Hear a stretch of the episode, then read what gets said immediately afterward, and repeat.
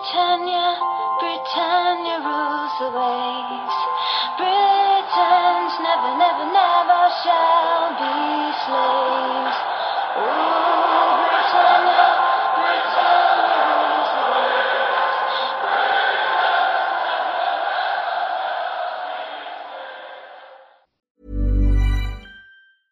Hiring for your small business? If you're not looking for professionals on LinkedIn, you're looking in the wrong place. That's like looking for your car keys in a fish tank. LinkedIn helps you hire professionals you can't find anywhere else, even those who aren't actively searching for a new job but might be open to the perfect role. In a given month, over 70% of LinkedIn users don't even visit other leading job sites. So start looking in the right place. With LinkedIn, you can hire professionals like a professional. Post your free job on linkedin.com slash people today.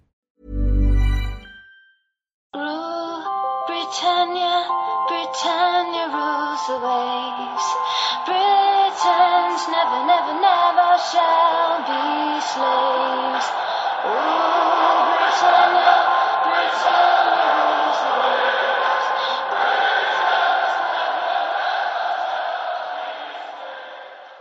Hej och välkomna till Svenska FPL-podden avsnitt 86. Nu är äntligen Fantasy Premier League igång och eh, vi ska summera Game Week 1 och blicka framåt mot Game Week 2. Eh, vi spelar in idag tisdag den 15 september, min födelsedag faktiskt. Och eh, agendan för dagens avsnitt är att vi ska gå igenom samtliga lag här från Game Week 1 och hur de har presterat, vilka spelare som vi har på eh, har eh, underlupp och vilka som vi inte tror på speciellt mycket. Vi ska dessutom kolla på de lagen som inte spelade i Game Week 1 som går in nu i Game Week 2 och som dessutom då har en, en double Game Week att vänta någon gång här framöver. Vi kommer kika in i ett segment som vi kallar för veckans diskussion och i det här avsnittet så kommer vi kolla hur man agerar nu efter första gameweeken beroende på hur ens start var. Det vill säga, är det så att du hade en kaptensbindel på Sala eller satt du helt utan honom? Det, det gör ganska stor skillnad på din score första gameweeken. Vi kollar snabbt in i poddlaget som då satt helt utan Sala. Och vi tar en kaptensdiskussion inför Game Week 2. Och sen så har ni lyssnare skickat in en hel hög med lyssnarfrågor och vi ska försöka beta av så många vi bara kan. Vi börjar att skicka ut ett stort tack till våra sponsorer och samarbetspartners som ser till att vi har så fina priser i våra poddligor. Eh, Olka Sportresor, Unisportstore.se och Glenn Sportsbar. Och om ni har missat att signa upp er för våra ligor så finns det fortfarande tid att göra det. Både vår poddliga som är helt gratis att vara med i där man kan vinna jättefina priser från våra samarbetspartners. Läs mer om hur priserna ser ut och ligakoder på vår Facebook-sida Svenska FPL-podden. Men det går även fortfarande att gå med i vår liga som vi har tillsammans med Glenn Sportsbar. Det är en betalliga, kostar 200 kronor att vara med, varav 50 kronor går direkt till Barncancerfonden. Och äh, den ligan tycker jag är fantastiskt härlig att gå med i, speciellt om du som jag då missade Game Week 1 så har du chans att vinna priser under hela säsongen, både med varje Game Week är det specifika priser och varje månad så är det månadspriser, jätte, jättefina priser där. Så se till att gå med så har ni någonting att se fram emot hela säsongen oavsett hur, hur långt efter ni hamnar här de, de första Game Weeksen. Med det så tycker jag vi drar igång podden och eh, Stefan du är med mig som vanligt men eh, vi kanske också ska säga ett, ett varmt välkomnande till Kristoffer som eh, nu hoppar med i podden och eh, stärker upp här. Välkommen Kristoffer! Tack så mycket och eh, kul att få förtroende från eh, två så välrenommerade eh, poddherrar i, i för, eh, för FPL-sammanhang. Ja, vi kommer ju under säsong vara i lite olika konstellationer. Vissa poddar kommer vi vara alla tre. Andra poddar kommer vi vara eh, två utav oss. Så det blir en avlastning och eh, skönt att få stärka upp med lite fantasykompetens. Eh, Stefan, eh, hur eh, känns det för dig? Jag vet att du hade binder på Sala så att det är väl eh, mungipor uppåt va? Ja, nej, jag är såklart nöjd med starten. Eh, sen tycker jag att det finns eh, liksom mycket att, att, tänka på här med, med tanke på att United inte spelar, City inte spelar i första omgången och eh, transfermarknaden eh, i FPL då är ju helt vansinnig. Så att, eh, det finns eh, saker att tänka på, absolut. Ja, jag tänkte komma till det. Innan vi går in i laggenomgången så vill jag bara mana alla fantasyspelare till tålamod. Eh, vi har en hel del matcher som kommer ske nu innan vi går in i helgens Game Week 2. Idag spelar, eh, spelas ligacupen, Newcastle, West Ham, Crystal Palace, Aston Villa spelar ikväll. Imorgon onsdag spelar West Bromwich, Fulham, Southampton, Leeds, Everton i ligacupen. På torsdag har vi Sheffield United, Burnley, Wolves, Brighton i ligacupen. Dessutom ska Spurs åka bort till Bulgarien och spela Europa League-kval på torsdag kväll. Så att eh, mycket kan hända i form av eh, skador och eh, saker. Eh, transferfönstret är fortfarande öppet. Eh, min rekommendation är att inte jaga allt för mycket eh, priser. Där det sker en del justeringar uppåt och neråt. Men eh, som sagt, mycket oväntade saker kan hända. Så jag håller i alla fall i min transfer just nu. Eh, Stefan, jag tänkte att du skulle få hoppa in i laggenomgången och eh, vad passar bättre än att börja med rivstarten i Liverpool Leeds 4-3 vinst till eh, ligamästarna från förra säsongen. Ja, det här var ju ett riktigt bra, en riktigt bra reklammatch för Premier League när det är som bäst. Eh, trots att det inte är någon publik på, på läktarna så var det här verkligen en eh, intensiv match eh, som Liverpool eh, drar längsta strået i. Och eh, Salah gör ju mycket riktigt hattrick efter att ha fått eh, två straffar. Eh, man kan ju tycka att det är lite turligt att, eh, att han slår in just två straffar. Eh, men om det var någon spelare i den här omgången som backade upp eh, eh, liksom, eh, sin, sin match med, med underliggande siffror så var det, var det Salah. Han såg riktigt, riktigt het ut. Och det blir sån stor kontrast när Mané gjorde en, en ganska platt match, eller var väldigt osynlig i, i jämförelse. Det, det brukar inte skilja så här mycket i deras prestationer som det gjorde den här matchen till, till ära. Då. Eh, och det är väl de två som, som är av intresse framöver också. Eh, det är svårt att bedöma liksom vad kommer hända på, på kort sikt här nu. Eh, Salah är uppenbarligen i, i bra form, men kommer Mané vara så här svag? Det vet man inte. Eh, jag hade väl haft mycket mindre tålamod med Mané här i alla fall, för har man betalat eh, 12 miljoner för någon, då vill man inte att se de tendenserna som, som man såg i den här matchen. Eh, kikar vi, jag tycker inte att det finns något intresse på Liverpools eh, mittfält, men i backlinjen så är det många som har investerat mycket pengar i, i Robertson, Trent och van Dijk. Eh, och här tycker jag att eh, ja, van Dijk gör ju mål på en hörna. Eh, jag tycker att han borde ha fått eh, ett till mål godkänt. Eh, jag såg ingen, ingen anledning att blåsa av det andra målet han, han gjorde i den här matchen. Och det som var intressant var att Robertson fortsätter att ta mycket fasta, kanske till och med mer än eh, i slutet av förra säsongen då han även tog lite hörnor från högra sidan i den här matchen. Och eh, en av dem var till exempel den eh, hörnan som eh, van Dijks eh, bortblåsta mål kom ifrån. Så de två tycker jag att man kan ha tålamod med. Det finns väl ett litet varningens finger för Trent då han var svag i den här matchen och mycket av Leeds taktik gick ut och, och liksom eh, försöka utnyttja hans brister i defensiven, vilket eh, lyckades ganska väl.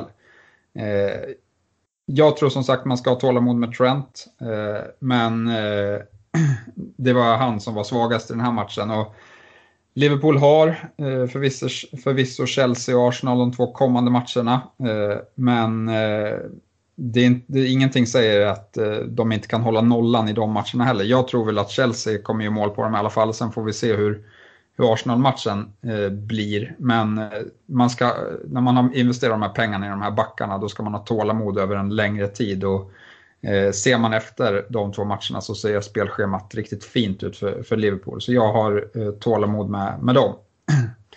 Om vi ska prata lite Leeds så eh, var Eh, det här riktigt bra. De gav eh, Liverpool en eh, väldig match här och eh, det var många som imponerade. Jag vill liksom direkt säga att Leeds kommer kommer klara sig kvar, tror jag absolut. Jag tror att de har chans att ta och sluta på övre halvan till och med. Och det finns många spelare med lågt värde som kan vara riktigt intressanta. Om vi börjar framåt, då är det ju många som byter in Bamford nu för att han gjorde mål och kostar 5,5 som forward. Eh, jag tror att han får starta nästa match också, men jag vill höja ett varningens finger här för att de har gjort en rekordvärvning i Rodrigo. Eh, och det var ett direkt byte mellan Bamford och Rodrigo i den här matchen. Sen kom ju Rodrigo in och eh, orsakade den här andra straffen. Så att det kanske inte Bielsa är så särskilt nöjd med med honom. Men har man gjort en rekordvärvning så kommer han såklart förlåtas för det eh, på, på sikt. Men, men Bamford eh, tror jag kommer vara eh, startspelare i alla fall mot, mot Fulham. Sen får vi se. Eh, på mittfältet var det också två som imponerade och gjorde mål i yttern Harrison eh, som gjorde ett riktigt fint mål och eh, även eh, in i mittfältaren Cleach eh, som även är straffskytt. Båda de kostar 5,5. Eh, men jag skulle vilja se Leeds möta ett annat lag än Liverpool för att bedöma liksom vilka spelare är det som eh, kommer skapa eh, chanser för Leeds när de möter sämre motstånd än Liverpool. För det kan vara helt annan matchbild då. Så därför tycker jag väl att offensivt, det kommer att finnas intressanta spelare i Leeds, men jag tycker att man ska avvakta och se lite, få lite mer data på vem det är som gäller. I backlinjen då tyckte jag att eh, ja, men det är ytterbackarna som, som är intressanta i Eiling och Dallas. Eh, jag lutar väl åt Eiling, han är lagkapten, såg riktigt intressant ut. Eh, Dallas var ju han som kom iväg med assisten här. Men, men som sagt, jag tror att Eilings plats i laget är mer säker och han såg minst lika bra ut enligt mig. Så det är väl summa summarum av många händelser i den här matchen. Ja, det kommer ju vara lite längre eh, laggenomgång än vad vi kommer se senare fram i säsongen. Det finns så extremt mycket intressant att prata om så här till starten. Till exempel då en nykomling som Leeds. Jag, jag älskar det Stefan att du mer eller mindre utlovar att eh, Leeds kommer stanna kvar efter en match då mot, mot Liverpool i, i första gameweeken. Och kanske till och med att du är inne på att de kommer på övre halvan jag är väl lite mer försiktig och vill, vill se lite mer innan jag, jag skriker ut någonting. Men det såg, det såg bra ut och det ser eh, intressant ut i, i ett spännande Leeds. Eh, jag, jag tänkte gå vidare med eh, Arsenal-Fulham, en match som Arsenal vinner med 3-0. Och eh, eh, här så tänkte jag börja med Arsenal. Och eh, varför inte börja med Aubameyang, spelaren som fanns i mer eller mindre alla slag, kändes det i alla fall som. Eh, han levererade, men inte på den Sala-nivå som han konkurrerade med, med kaptensbinden som. Jag tyckte ändå att eh, han visade mycket fina intentioner och då kanske speciellt i andra halvlek. Och med lite flyt så hade det kunnat bli ännu mer poäng från hans fötter. Eh, han visar sig dessutom än mer kaptensbar nu eh, än tidigare säsonger då han är klassad som mittfältare, de här sju poängen som man fick den här gameweeken hade istället varit förmodligen fem om man hade fortsatt stå som, som anfallare. Och eh, det tycker jag är väldigt intressant. Och eh, även om man till stora delar spelade väldigt brett i, eh, i Arsenal så hade han imponerande tre avslut inne i boxen och det verkar lite som att han har en ganska fri roll när Arsenal går till anfall. William var ju i efterhand den spelare från Arsenal man skulle ha haft i denna Gameweek med sina tre assist. Jag tycker trots de tre assen, eh, en stolpträff och massa fasta situationer inte att det är en självklarhet att byta in William även om det är många som redan springer dit och han har redan stigit i värde. Självklart stärkte han sin startposition i laget men utmanas på sikt både av Pepe och eh, Saka. Dessutom Eh, så väntar ett tufft spelschema efter West Ham i nästa Game Week. Och eh, just West Ham-matchen lockar mycket då de verkligen inte övertygade i helgen. Vi kommer komma till dem senare.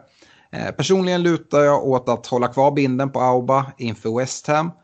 Ehm, Ja, i övrigt då. Ja, Enketia fick något oväntat finna sig att inleda på bänken till förmån för Lacazette som gjorde mål dessutom. Så jag antar att Lacazette inte försvagade sina chanser till att fortsätta som forward. Och när vi ändå är inne och pratar Arsenal, nu, nu drar jag laggenomgången här Stefan, men det är, ju, det är ju ditt lag och du följer dem ju noga. Är det något du vill, vill tillägga på, på Arsenal?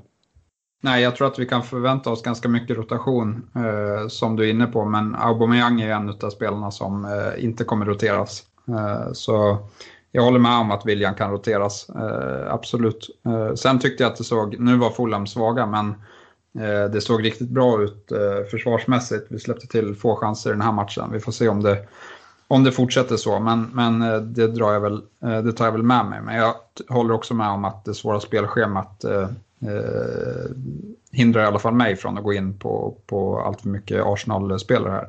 Mm.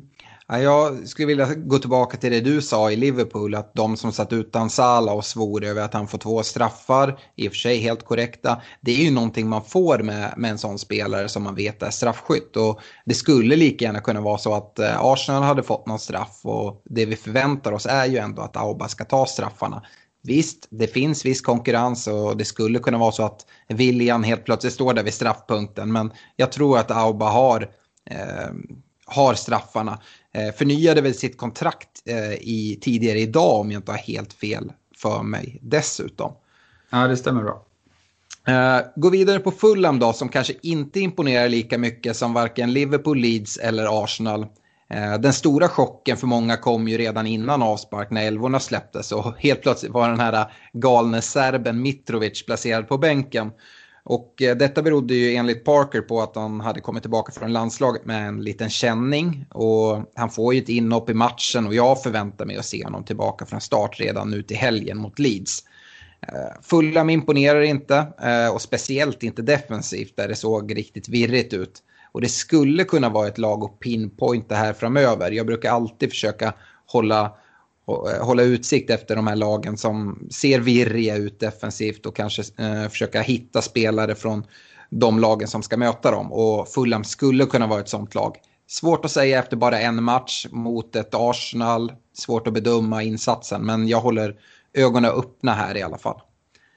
Kristoffer, eh, yeah. ta oss igenom West Bromwich-Leicester, en match som Leicester vinner med 3-0 borta. Ja, eh, det var ju en eh, ja, ganska långsam inledning av matchen tyckte jag. Det var, det var eh, första halvlek, det såg lite sådär, ja. De kunde gjort det bättre båda lagen, men jag, jag kände ändå att Leicester, det skulle hända någonting. Och ständiga hotet på alla löpningar, vad vi kunde se var ju Harvey Barnes. Väldigt intressant för sina 7,0. Och eh, intressant siff intressanta siffror som jag noterade var ju att eh, Jamie Vardy, trots sina eh, mål, inte hade ett enda skott i boxen. Han hade färre touch än eh, West Bromwich inbytte eh, Harper som byttes in i 69 minuten. Han hade färre touch på bollen under hela matchen. Intressanta spelare var ju Timothy Castani från Atalanta. Och eh, Justin på andra kanten höll sig väl för sina 4,5 miljoner. Eh, Juri Tillemans är ju en väldigt bollbegåvad spelare, men kommer han vara fortsatt intressant när Madison är tillbaka? Är frågan. West Bromwich kände jag väl inte alls för egentligen. De var lite försiktiga, höll ihop kollektivet. Men jag håller mig borta från eh, alla spelare ur den klubben för närvarande. Jag vill se lite mer som ni har sagt där. Det kanske finns några för framtiden i lägre priskategorier. Ja, vi har ju gått igenom de tre nykomlingarna redan och ja. som sagt Leeds imponerar. Eh, Fulham, West Bromwich inte så mycket. Jag håller med dig, tyckte West Brom såg svaga ut. Däremot så har de gjort klart med en riktig fantasyklassiker idag. Branoslav Ivanovic är presenterad för West Bromwich och eh, jag vet inte, jag har i alla fall inte sett någon, något pris på honom på, i FBL och jag Nej. vet inte om det kanske är rätt väg att vandra men det är ju någonting i den här Eh, vad ska man säga, retrokänslan över att se Ivanovic tillbaka i Premier League som, som jag ändå gillar. Ni som har varit med länge har ju, har ju följt honom och jag vet inte om han, vad är han, 36 år fyllda?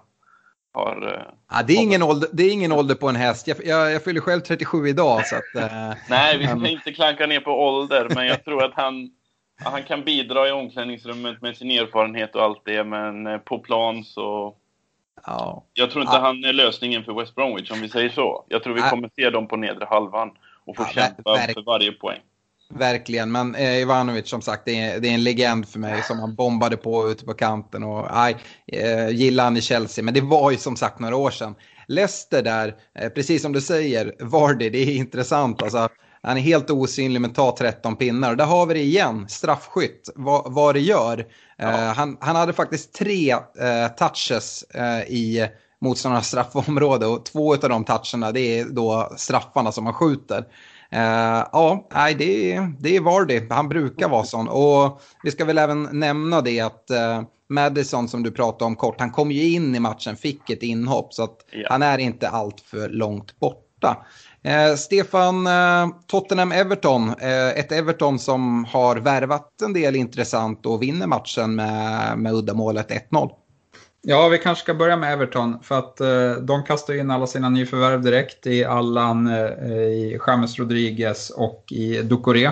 Eh, och får ihop det mycket, mycket förtjänstfullt mot Spurs. Eh, framförallt något som har saknats, i, tycker jag, i Everton är ju Eh, Eh, Allans speltyp som, som eh, håller det rent framför, eh, framför Evertons backlinje. Och det här tror jag kommer leda till att Everton blir mycket stabilare defensivt i år än vad vi har sett dem tidigare.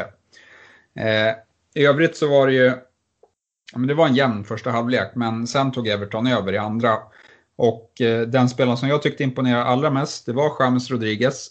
Skapade fem chanser i matchen, men kom även liksom till, till en del egna eh, avslut. Jag tror han hade tre avslut eh, här. Och, eh, han kommer skapa chanser, det, det visste vi nästan från början när han skrev på. Eh, men kan han dessutom vara ett hot eh, och göra mål, eh, då är priset eh, för 7,5 för han eh, som mittfältare, det kan vara årets fynd. Eh, men, men man vill se att han, att han kommer till de lägena. Det som hände mest i den här matchen det var att han slog väldigt fina crossbollar ut till, till vänsterflanken till Richarlison eh, gång på gång och även till Digné. Eh, och Richarlison, en annan dag hade han kunnat gjort betydligt mer från den här matchen men han hade inte riktigt siktet inställt utan sköt en halv meter utanför för, för det mesta. Men det såg spännande ut och en annan spelare som såg som såg ut att vara i bra form och även fick göra ett mål, eh, det var ju Calvert Lewin. Eh, sen hade ju inte eh, Everton så jättemycket, eller Calvert Lewin så jättemycket fler chanser än så, men, men just i spelet så såg han pigg ut och jag tror att nu har ju Everton bra matcher här, de ska möta West Brom nästa, följt av Crystal Palace. Så att det här är ett lag som jag kikar väldigt mycket på på, på kort sikt här. Och så jag nämnde även att eh, jag tror att det kan hållas en del nollor och där har vi ju Digné som vi vet sedan tidigare har varit en riktigt bra fantasyspelare. Eh, han kommer iväg med 12 poäng här efter en assist och bonus. Eh, och farhågan var ju att James Rodriguez skulle ta monopol på alla fasta situationer, men så var det inte riktigt. Digné han fick slå hörnorna från vänster och han slog även frispark, en del frisparkar, bland annat den som, som Calvert Lewin gjorde mål på. Då, då. Eh, om man letar efter ett budgetalternativ så finns det även ett på mittfältet i Ducoré. Eh, Everton spelade i en 4-3-3 eh, med Allan som, som städgumma i en försvarsroll och så fick Ducoré fylla på eh, tillsammans med eh, André Gomes på, på mitten. Eh, så det, det förväntar jag mig att det kommer fortsätta ske och för 5,5 så, så ser jag värde i honom också. Eh, ska vi prata lite Spurs så, så såg det inte lika bra ut. Eh, Ali blev ju utbytt i halvtid för att Mourinho eh, trodde att han skulle kunna förändra matchbilden på, eh, till det bättre eh, och tyck, var inte riktigt nöjd med, med hur eh, Ali eh, inte kom iväg från Allan. Eh, det som hände var dock att eh, Spurs bara blev sämre i andra halvlek. Eh, sen var ju Mourinho direkt ute och gnällde på att de inte hade haft någon försäsong, men det har ju inte något lag så att, eh, jag förstår inte riktigt den kritiken. Eh, han han eh, eh tyckte i alla fall att eh, hans lag pressade alldeles för dåligt här. Eh, och eh, Kane såg inte speciellt imponerande ut på topp. Son, mycket likt vi har sett han i föregående år, kom alldeles för mycket långt ut till vänster. Men eh, eh, ja, de har helt okej okay matcher här på, på kort sikt och det är många som har gått på, på någon Spurs-spelare. Så att jag tycker ändå att man ska ha tålamod här. Eh, vi får se eh, vad de matchar för, för lag i Europa. Det skulle kunna bli så att de matchar ett ganska bra lag, då är det utslagning direkt i den eh, turneringen, i den matchen. Och då kan det vara att de är lite slitna när de kommer tillbaka till helgen och ska spela Premier League-match. Eh, men ja, som sagt, eh, ge det en match till i alla fall. Sen om det ser likadant ut då kanske det är läge att kika på och ersätta någon där. Eh, den spelaren som, som kanske såg bäst ut i Spurs, det var nog ändå Doherty. Som ja, men fick fylla på som likt det vi trodde inför. Och hade ett läge i boxen där han mer eller mindre var fri och gjorde, där Pickford gjorde en riktigt bra räddning. Och då tyckte Mourinho ändå att ja, men Doherty kommer bara bli mycket bättre. Han har, varit, han har haft en träning med laget. Så att, eh, jag förväntar mig att eh, Doherty kommer vara en riktigt bra spelare för, för Spurs över säsongen. Ja, jag skulle vilja eh, skjuta in där på, eh, på Spurs, precis som du är inne på, att de har ju match på torsdag i Europa League. Eh, jag tycker att det är läge att avvakta och se lite vad de ställer upp med för lag där innan man byter ut en spelare som, som Doherty eventuellt eller Alli om man nu ska göra några byten i, i Spurs. Eh, jag ska även säga det att det kom en del rapporter idag. Jag följer ju eh, Manchester United nära och eh, ser vad som händer på transferfönstret där. Och de, har förknippats en del med Reguillon från eh, Real Madrid. Ägs han ju av, men han spelade i Sevilla, eh, utlånad förra året. Och har ryktats vara väldigt nära. Nu eh, kommer det Eh, ganska trovärdiga rapporter om att Spurs är väldigt nära att göra klar med honom. Och det är en väldigt fin lovande vänsterback. Och jag vet att det är vissa som inte hade riktigt pengar för att eh, nå upp till, till Doherty och gick på ett säkert vänsterbacksalternativ i, i Davis. Och eh, Davis plats skulle kunna vara hotad. Nu är ingenting klart men det är värt att komma ihåg att transferfönstret är öppet och det skulle kunna vara så att Reguilon är på väg in i Spurs. Eh, jag ska prata lite Brighton-Chelsea och i Chelsea så finns det ju ganska mycket eh, som folk är nyfikna på då de har köpt mer eller mindre alla fotbollsspelare som, som har två ben. Eh, nu vinner Chelsea matchen med 3-1, ser bra ut tycker jag. Och eh, varför inte börja med ett av nyförvärven i eh, Timo Werner som har en ägarandel på runt 50% i fantasy. Jag tycker han såg riktigt vass ut i mina ögon och eh, hade fem attempts inne i boxen. Fixade en straff, eh, men fick tydligen en lårkaka i den situationen. Spelade klart matchen, eh, men viss oro finns här. Werner själv kommenterade då dock direkt efter matchen och sa att han kommer vara redo för Liverpool nästa helg. Det finns inte en chans att han kommer missa den matchen. Sådana matcher missar man inte. Eh, jag tycker vi ska hålla, hålla öron öppna inför presskonferensen, men eh, eh, jag tror att det är en lårkaka det rör sig om. Han bör vara redo för spel mot Liverpool. Och, eh, det, det är mycket intressant. Eh, det är en väldigt snabb spelare, såg vi här i, i Brighton-matchen. Och eh, omställningen mot Liverpool kan det mycket väl komma att bli. Och Liverpools försvar, ja, det lämnar väl en del att, att önska som, som Liverpool-fan. Eh, straffen som han fixade då, eh, det var nog många som hade hoppats på att han skulle få slå den själv. Men det visade sig vara Jorginho som klev fram och förvaltade den. Eh, förhoppningarna fanns ju innan på att Werner alternativt Kai Havertz som var straffskyttar i sina respektive lag i Tyskland skulle kunna få förtroendet även i Chelsea. Men så verkar inte vara fallet. Vi får se.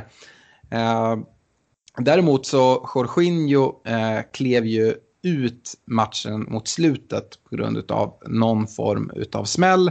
Och vi har inte fått någon, eh, någon mer information om det så vi får väl se om han är, är redo här framöver eller vem som kommer ta straffarna. Uh, ja, uh, Pulisic missar matchen trots att Lampard på sin presskonferens sa att han var uttagningsbar. Eh, Lampard berättade dock efter matchen att eh, han hade tränat med laget i veckan men att han fått Eh, vissa mindre problem efteråt vilket gör att de avvaktar lite med honom. En spelare som vi visste inte skulle spela var ju nyförvärvet Siers Och han missade matchen och det gjorde att Havertz eh, då spelade ute till höger istället för centralt. Och, eh, jag tror det är där man helst vill se honom. Eh, men eh, Havertz hade en ingen jättebra match. Jag tycker ändå, det är många som, som talar om att han såg riktigt usel ut och att han måste bytas ut och sådär. Vi kommer komma till det här i, i lyssnarfrågorna också. Jag tycker han visar en del fina tendenser och eh, speciellt hur fin Werner såg ut så kan jag bara vänta på att få se Havertz centralt när Ziyech är tillbaka. Um, vill man trots Kepa i mål satsa på Chelseas defensiv eh, så visade Reece James upp sig från sin bästa sida med 1 plus 1.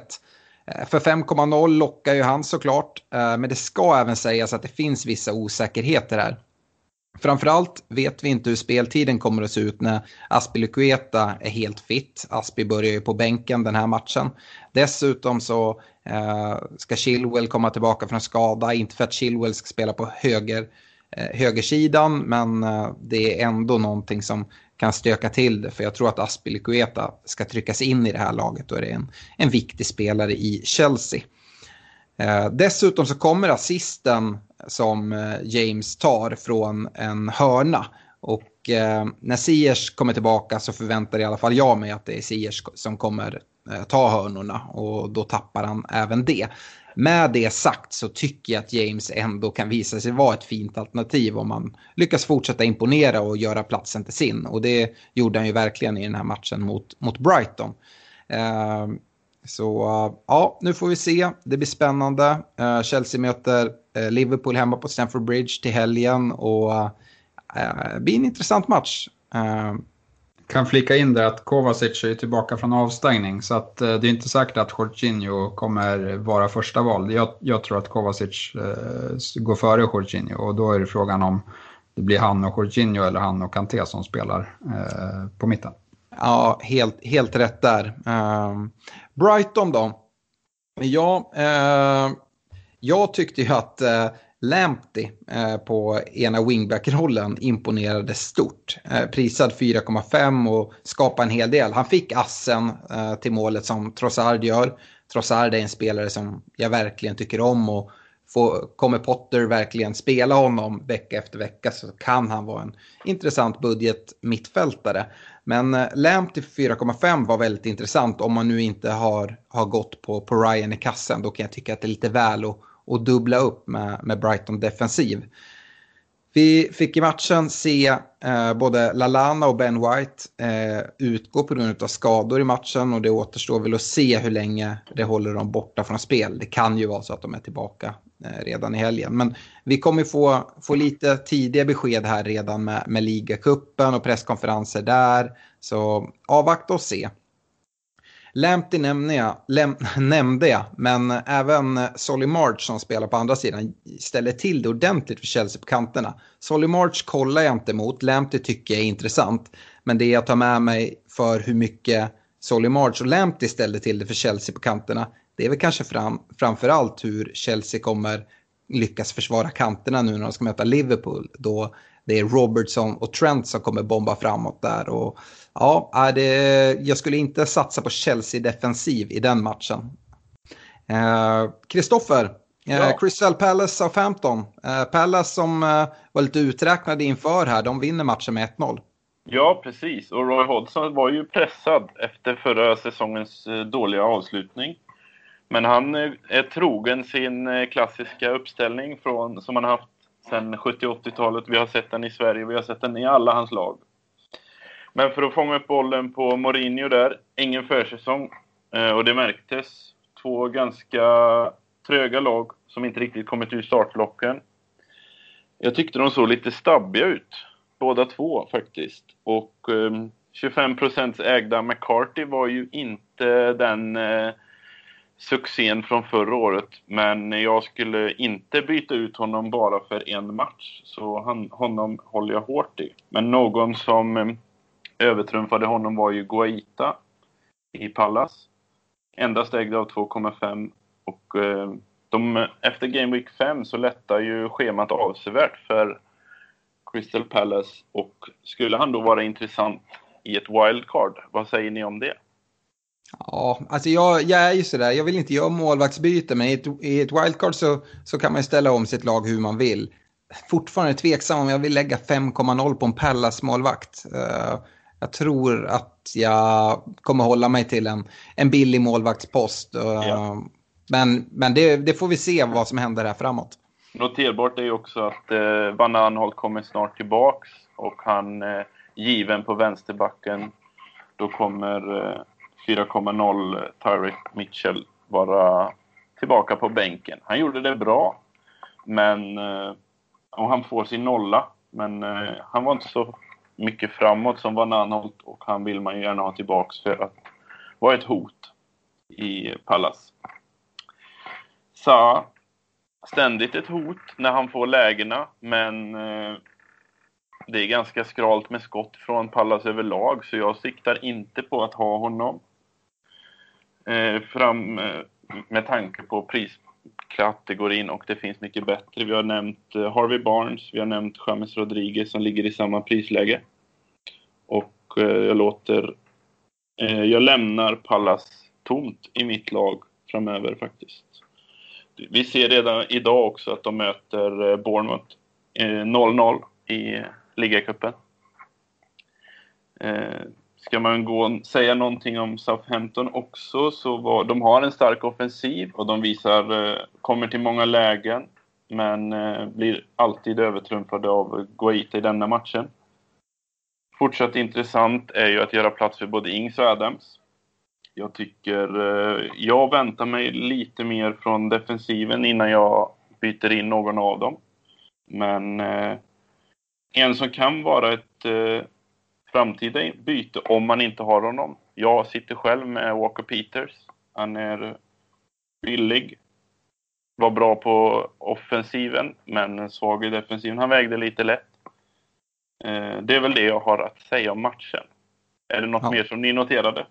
Nej, men det är väl Kyle Walker Peters som du säger. Uh, han, han, får ju ett rött kort i matchen, men som VAR sedan ändrar helt korrekt, tycker jag, uh, till ett gult kort. Så där blir man ju uh, räddad. Men han tyckte jag såg väldigt lovande ut offensivt. Jag tänkte inför säsong, om man kollar uh, Southampton, att ja, kanske kan det vara värt att lägga till de här 0,5 för Bertrand på andra kanten. Men Walker Peters imponerade och framförallt med sin offensiv som är intressant. Southamptons defensiv, mm, alltså jag vet inte. Det är inte därför man väljer McCarthy. Det är en 4,5 målvakt. Eh, det kommer bli en del räddningspoäng, men jag tror inte att de kommer hålla jättetätt. Men just när man ser Kyle Walker Peters offensiva eh, del gör att jag tycker att han blir mer intressant. Sen så kommer vi till Southamptons anfall och där, där vet jag att både Ings och även Adams är välägda spelare. Och de, eh, ja, de lyckas ju inte den här matchen. De har sina lägen eh, och eh, Ings har väl något riktigt bra läge i slutet och då är assen också från, eller det blir ju ingen ass, men den som spelar fram det är, det är Walker Peters. Så ja. eh, jag tycker man kan hålla kvar både Ings och Adams om, om man nu sitter Absolut. med dem i bygget. Eh, folk stressar så mycket, ja, som, jag, som jag manade i början av avsnittet. Jag tycker att man ska ha tålamod. Adams hade ju ja. även flera lägen han, så att eh, mm. jag tror han hade tre ganska klara lägen om jag noterade rätt. Det. Mm. Uh, nej, sen så i, i Pallas, precis som du säger, så jag tycker han imponerar. Det är en svår prispunkt, men uh, som du sa, när spelschemat vänder för Pallas, jag skulle inte ta in Sa nu, men jag kollar mer mot Sa än vad jag kollar mot Guaita. Skulle det vara så att när transferfönstret stänger och spelschemat vänder, Sa är kvar och har fortsatt imponera mot lite tuffare motstånd. Ja, skulle kunna vara en spelare som, som ändå kan, kan leta sig in i, i ett bygge. Kan, eh, kan han få en partner i Batsuyai som är en gammal Pallas-bekanting också? Mm. Ja, nej men absolut. Eh, Stefan, vi går vidare. Eh, West Ham Newcastle. Eh, Newcastle vinner med, med 2-0. Ja, eh, och här var det ju ett lag som ville spela fotboll och det var ju Newcastle. Eh, det kan man snabbt, jag kommer inte säga så mycket om West Ham, men, men däremot kolla vilka West Ham ska möta och eh, se till att ha spelare därifrån. Eh, vi kommer ju komma in på en kaptensdiskussion längre fram, men, men det är mitt tips just nu. Det verkar vara fullständig kaos i, i klubben efter Eh, den här försäljningen av Diangana till West Bromwich som, eh, som direkt ifrågasattes av hela eh, spelartruppen och eh, framförallt av kaptenen Nobel. Eh, och eh, det syntes att det var något som inte stod rätt till här. Eh, kan man till exempel se på Declan Rice som har ryktats hårt till Chelsea att han var ju inte, han var ju inte mentalt redo att spela den här matchen eh, utan var riktigt, riktigt svag. men Newcastle då, Eh, där har vi ju ett par nyförvärv som, som imponerade i eh, Wilson, eh, forwarden från, som de har värvat från, eh, från Bournemouth. Eh, han kom in och ser riktigt spelsugen ut, eh, löper mycket, eh, kommer till avslut, eh, gör ett skitmål. Eh, det är väl ungefär så det kommer se ut med, med Newcastle överlag. Det är, han och Carroll på topp. Eh, slås en del längre bollar men även blandas med att spela lite fröjdigare offensivt spel. Eh, men jag tror att Wilson är den spelaren som, som eh, liksom kommer göra flest mål i, i Newcastle och eh, såg pigg ut här. Så att, eh, äger man honom jättebra, eh, även om man kan kika på att ta in. Eh, dock så, så är det väl en bra match och sen lite tuffare matcher här. Men Eh, Eh, I den prisklassen så, så ska man hålla koll på Wilson och vi vet att även om han var dålig förra säsongen eh, så inledde han, jag tror att det var de sju första matcherna som han gjorde mål. Så att han, han kan absolut komma i någon så här målstim och, och bara fortsätta eh, göra mål. Eh, det, det ser jag inte som omöjligt. Eh, en annan nykomling som, som gjorde det bra var ju eh, Hendrik eh, på höger ytterpositionen. Han gjorde mål och ass. Här är jag inte lika övertygad. Han kostar visserligen bara 5,0 eh, men jag har svårt att se att han ska hålla uppe den leveransen eh, eh, utan jag ser det mer som att det var lite, lite flyt i just den här matchen. Saint Maximin är det många som äger på, på mitten, runt 30 procent. Och han såg också fin ut. Problemet är ju att vi vet inte vad det leder till. Den här matchen så, så gjorde han sin gubbe flera gånger och, och blev kapad direkt. Eh, men, men det var liksom på en... Eftersom Newcastle ställde upp i en 4-4-2 så var det att han hamnade ganska långt ner och mer som en, liksom, ja, en, en winger eh, och kom inte in i boxen så mycket. Det kanske kan se annorlunda ut men som sagt eh, men jag tror inte man ska förvänta sig allt för mycket från, från hans del. Men om man äger honom så, så låter man ju honom spela eh, nästa match också. Eh, då, då han såg ut att vara i bra form. Eh, en annan intressant spelare var Lewis som de har värvat från Norwich, ytterbacken. Eh, han såg riktigt pigg ut eh, i den här matchen, kom även eh, undan med bonuspoäng. Och eh, nej, han känns intressant. Och Newcastle eh, vet vi eh, har ganska bra defensiv från, från i fjol och det, det tror jag kan fortsätta. Mm. Ja, vi, vi får, inte, får inte defensiven så prova mot ett eh, virrigt West här, men ja, jag håller med, det, det kan vara intressant där. Men eh, jag tror oddsen är inte jätte, jätte eh, höga på att eh, David Moyes är första manager och får sparken nu sett till, till West Ham spelschema dessutom som, som väntar. Eh, jag tänkte avsluta med den sista matchen som, eh, som vi har att gå igenom från Game Week 1 och det är i Sheffield United Wolverhampton. Wolves vinner med 2-0 borta. Eh, och varför inte börja med Wolverhampton? Och vi blir ju direkt påminda om den evigt aktuella fantasy-fantomen från Mexiko, Jiménez. Gör som vanligt poäng och tar då direkt bonus, den här gången två stycken. Med lite flyt hade målkon målkontot kunnat fyllas på med ett eller två kassar till från honom i den här matchen. Men det är det här med Jiménez. Poängen, de bara rullar in sakteliga. Han är, det är väldigt sällan han blankar och det är en fin spelare att äga över, över, över säsong. Uh, Yes, Jota då, han eh, blev bänkad till förmån för Podens och Neto som eh, båda får varsin ass. Eh, Traoré eh, verkar få agera wingback, i alla fall i den här matchen, till förmån för Bur som eh, vissa viskade om här innan deadline att eh, det ser ut som att han ska ta den där platsen. Men jag har haft lite på känn att Traoré, eh, innan det görs någon värvning i alla fall, kommer ja, kanske få, få ta den rollen så länge de väljer att spela med, med de här wingbacksen. Eh, Size är en spelare vi måste prata om. Han plockar alla tre bonusen så att eh, han snor bonus från, från Jiménez. Men han är en bonusmagnet. Det är även utan gjorda mål. Nu gör han mål i den här matchen men vi såg det i, i förra säsongen. Eh, I den här matchen dessutom, han skulle mycket väl ha kunnat komma ifrån matchen med, med ett hattrick då han hade flera fina chanser och kanske ja, men, krossa Salas eh, eh poäng eh, som han tog i, i Game Week 1. Eh, defensivt så är Wolves riktigt, riktigt pålitliga. Det här är om man tittar tillbaka från slutet av förra säsongen. Den tionde nollan som Wolves håller sedan Game Week 25. Och det är flest av alla, mer än alla andra lag i ligan. Eh, Vinagre dock, ja, han fick inte ta del av någon nolla utan satt på bänken. Eh, trots den här Eh, Eh, presskonferensen som, som Nuno håller och säger att Marcel han kommer få, få vänta, det tar lite tid innan han ska komma in i laget. Jag tycker det här är ett tecken på att Vinagre förmodligen ska lämna, vilket jag tycker är märkligt. Men eh, ja, vi, vi får se vad som händer här. Eh, nu är det City nästa för Wolves, men man ska veta det att Wolverhampton har ställt till det för många topplag tidigare hemma på Molineux. Och ja, ja vi, vi, får se, man har ingen riktig aning vad man har City heller. Eh, efter City så ser spelschemat riktigt, riktigt fint ut. Och eh, jag tror att man ska kolla mot, eh, mot Wolves. Deras defensiv har alltid imponerat. Size nu 5,0. Ja, det kan vara den vägen man, man ska vandra nu när inte Doherty finns. Sheffield då? Ja, eh, jag har inte jättemycket att säga här.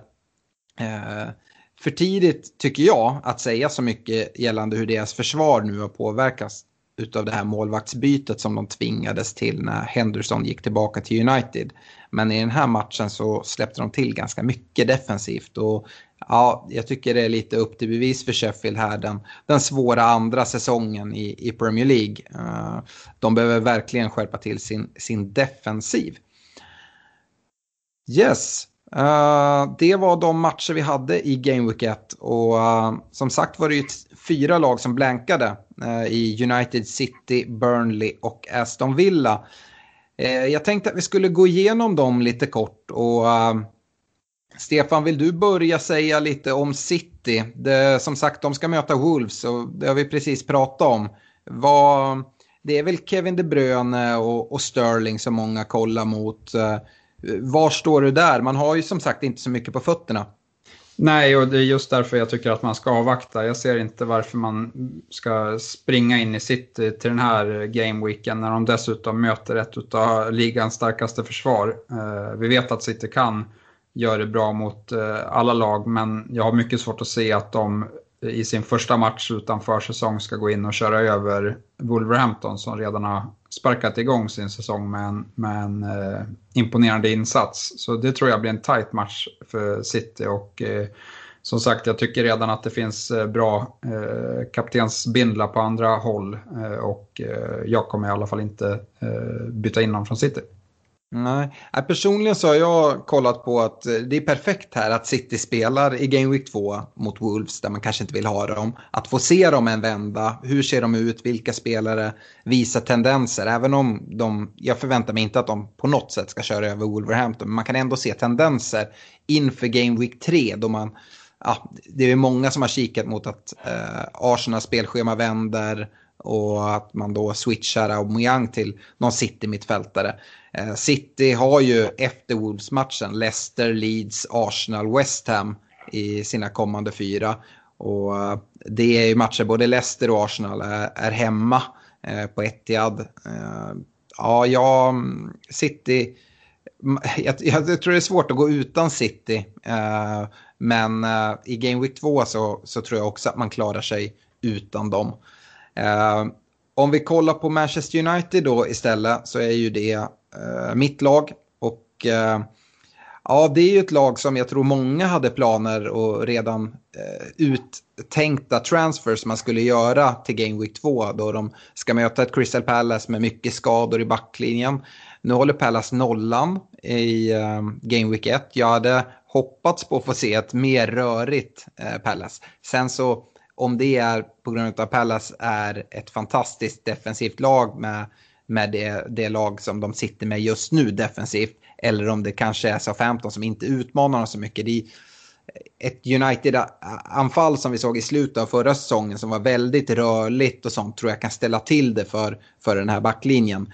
Men äh, ja, det, det är svårt att säga och jag, jag, är inte lika lockad som jag var innan att eh, hoppa in i United. Och det är precis som med City där. Vi vet inte riktigt vart vi har United och det är spelare som har varit iväg på landslagssamlingar och knappt tränat med laget. Vi vet inte riktigt hur, hur startelvan kommer se ut och eh, ja, jag gillar Martial på topp. Eh, men eh, frågan är vem, vems plats han ska ta. Eh, jag är inte så sugen att byta ut Werner.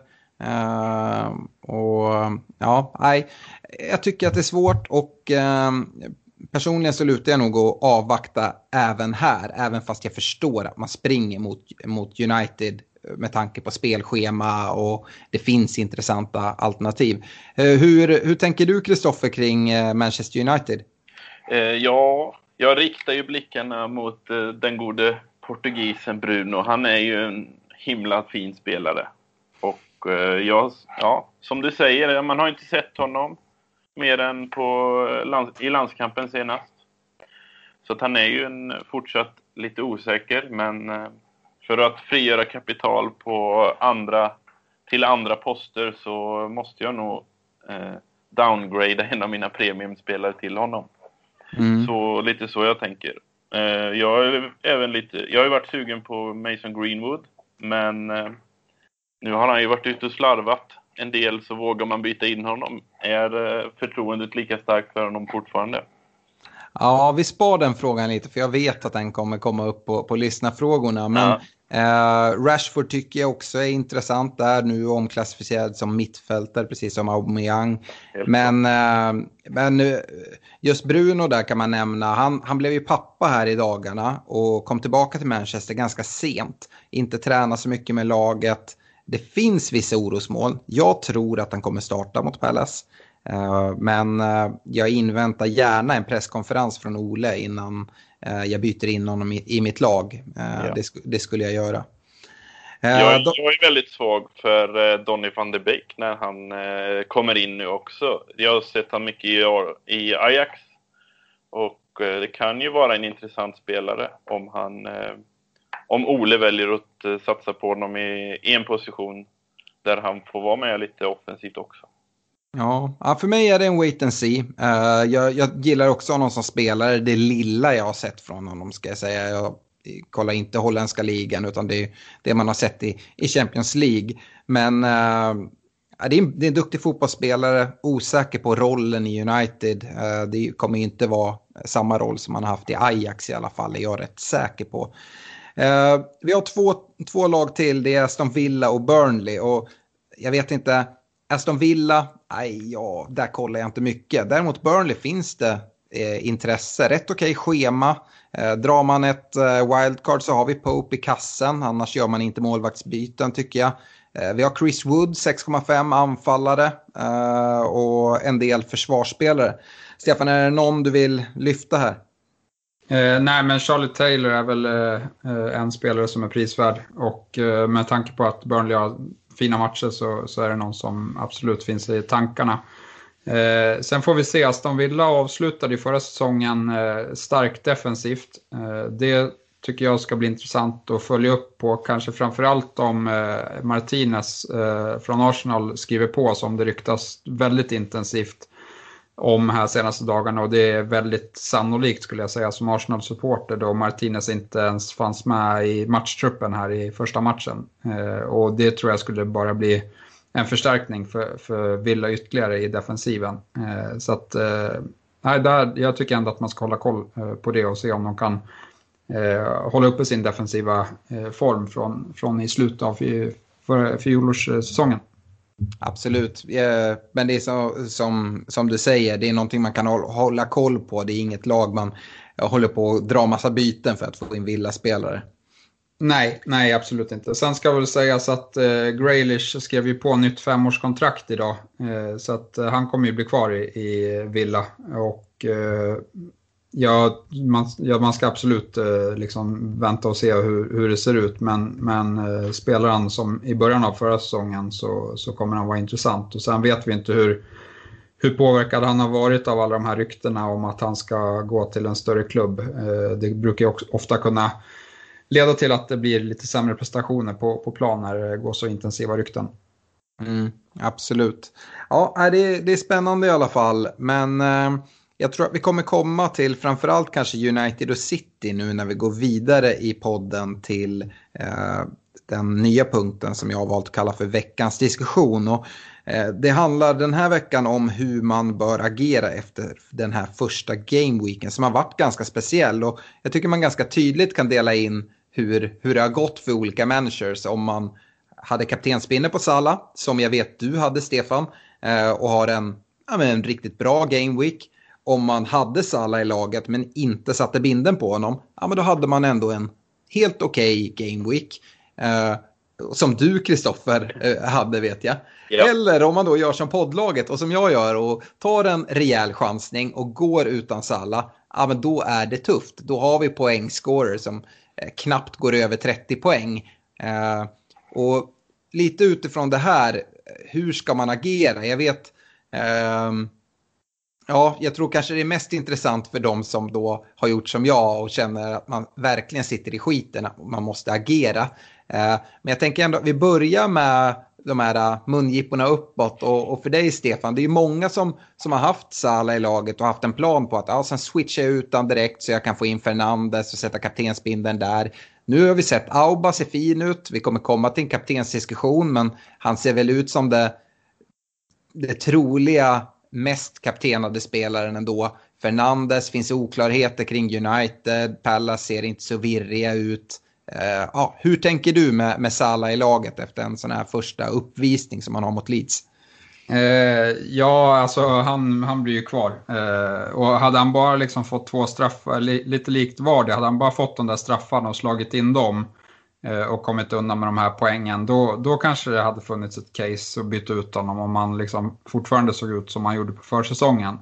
Men så var ju inte riktigt fallet. Sen var det ju lite att eh, Leeds kanske Eh, ja, men gav den här, de, de, de, de eh, försökte ju verkligen sätta dit Trent Alexander-Arnold i defensiven, men det ledde nog samtidigt lite till att de tappade lite fokus på att markera bort eh, Salah från matchen och han fick mycket boll och, och eh, som sagt såg het ut. Så jag kommer ju såklart sitta kvar med honom, eh, planerar inte att byta honom till någon United-spelare. Eh, sen, jag vet inte vad du vill att jag tar upp, men, men eh, om vi skulle gå in på någon kaptensdiskussion här, men jag tycker ju självklart att Aubameyang ser glödhet ut eh, inför nästa Game Week med tanke på att West Ham var så, så dåliga. Mm. Ja, vi tar kaptensdiskussionen lite senare i, i podden, men jag, jag, tänker att det är ju också en sak att om man då har planerat för att sätta binden på en United-spelare så kanske eh, ja, det, gör att man då eh, tvingas att göra ett United-byte för att få in den spelaren. Men så verkar det inte kännas för ganska många nu, även fast United-spelarna kan såklart ha, ha super, super game weeks. Ehm, Kristoffer, om vi går vidare med dig då. Du sitter med Salah i ditt lag. Jag vet att du sitter med ganska många premiumalternativ. Men ja. Uh, ja, hur, hur resonerar du? Hur känner du då? Känner du besvikelse över att du inte satte binden där? Eller uh, har du ganska lätt att gå vidare från det? Ja, det har jag väl, för det var ju mer eller mindre en coin flip mellan eh, honom och Auba i Game Week 1. Och jag såg väl inte... Jag såg väl en större chans i att Auba skulle få många poäng sett mm. till vilket lag de mötte och hur Fulham såg ut förra säsongen gentemot Leeds, tyckte mm. jag. Så därför valde, föll valet på Auba. Eh, men jag tänker inte lämna Salah-båten än. Utan eh, de har en svår match mot Chelsea, absolut. Men sen är det hemmamatch, vet vi att Salah tycker om. Då är han ett eh, alternativ för kaptensbindeln igen mot Arsenal. Sen är det två, eller en bättre match borta mot Aston Villa. Och eh, sen lättar det upp efter Game Week 6-7. Då, eh, då finns det bra case att han ska gå som kapten igen. Vi har Sheffield och eh, West Ham där. Ja, kanske framförallt den här West Ham-matchen. Men Stefan, vad säger du? Eh, Salah mot Arsenal, det, det, är ingenting du brukar gilla. Jo, jo, det är ju permakapten. Nej, ja, men, men tror... in, du gillar det inte som Arsenal-supporter menar jag. Nej, nej, det gör jag inte. Nej, och jag tror att uh, Liverpool kommer vara ruggigt revanschsugna efter att ha förlorat den här Community Shield-matchen också. Uh, så att uh, den matchen kommer bli jobbig för Arsenal. Även om vi har sett bättre defen ut defensivt så så är Liverpool ett bättre lag fortsatt. Och, vi får väl se hur, hur, det är framförallt City tror jag som, som han kommer stå mot i en kaptensdiskussion där eh, i den gameweeken. Eventuellt Werner också, men där faller det lite tycker jag på att mittfältarna, är, jag gillar att kaptena de dyra mittfältarna. Det, det känns alltid bättre då de, det räcker med att de gör en grej så, så blir det mycket poäng. Jag håller helt med. Vi kommer komma till det i kaptensdiskussionen. Jag, jag upprepar det flera gånger. Men just det här med mittfältarna. Nu har Aubameyang gått ner som mittfältare. Rushford är också mittfältare. Alltså, Ehm, jag, jag kommer känna att det är tufft eh, att kaptena en, eh, en forward den här säsongen. Det ska vara något eh, alldeles exceptionellt för att den ska hamna där, där det finns så mycket fina premiumalternativ i, i massa olika lag eh, på, på mittfältet. Så vi går väl över till mitt sorgliga bygge då, och kanske poddlaget också. Jag i alla fall jag gjorde så. Jag grävde ner mig ordentligt och bara grät mig till sömns efter eh, den här eh, inledningen på Game Week 1. Men är ändå nöjd med att jag höll mig kall. Eh, dels att jag inte deletar mitt lag eh, efter en Game Week. Men kanske framförallt att jag inte börjar panika och göra tusentals byten eller trycka in ett wildcard snabbt och sådär. Eh, jag tror tålamod är rätt väg att vandra. Eh, Sen beror det såklart på vad, vad har man för bygge. Men förhoppningsvis har ni gjort ert, ert jobb. Jag känner att jag har gjort det. Uh, jag kollade tillbaka, så här, jag känner mig som en helt värdelös fantasy manager. Jag kollar tillbaka min historik. De senaste fem säsongerna då jag spelar fantasy har jag kommit topp 40 000 i världen varje gång. En sån här game week gör ingen skillnad. Jag tror att jag mycket väl kan komma eh, på, på en hög overall rank efter 38 game weeks om jag inte går helt bananas för en dålig gameweek. Det känns extra jobbigt såklart att det är efter en gameweek. Men till alla er som eh, likt mig sitter med en dålig score och kanske ligger sist i era kompisligor eller vart ni än ligger.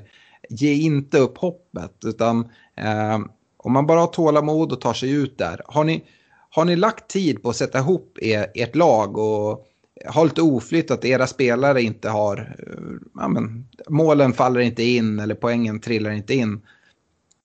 Jag skulle säga det, tålamod är rätt väg i de flesta av fallen. Sen så får man se vart i, i bygget är problemen. Sitter man med Vinagre till exempel eller andra spelare som, som eh, verkar ha tappat sin plats, ja men då kanske man behöver göra ett eller två byten, ta fyra minuspoäng eller så. Men Eh, Eh, jag hoppas inte att ni har varit helt fel och ni knappt har några startspelare. Då måste man ju dra ett wildcard, men annars håll på det.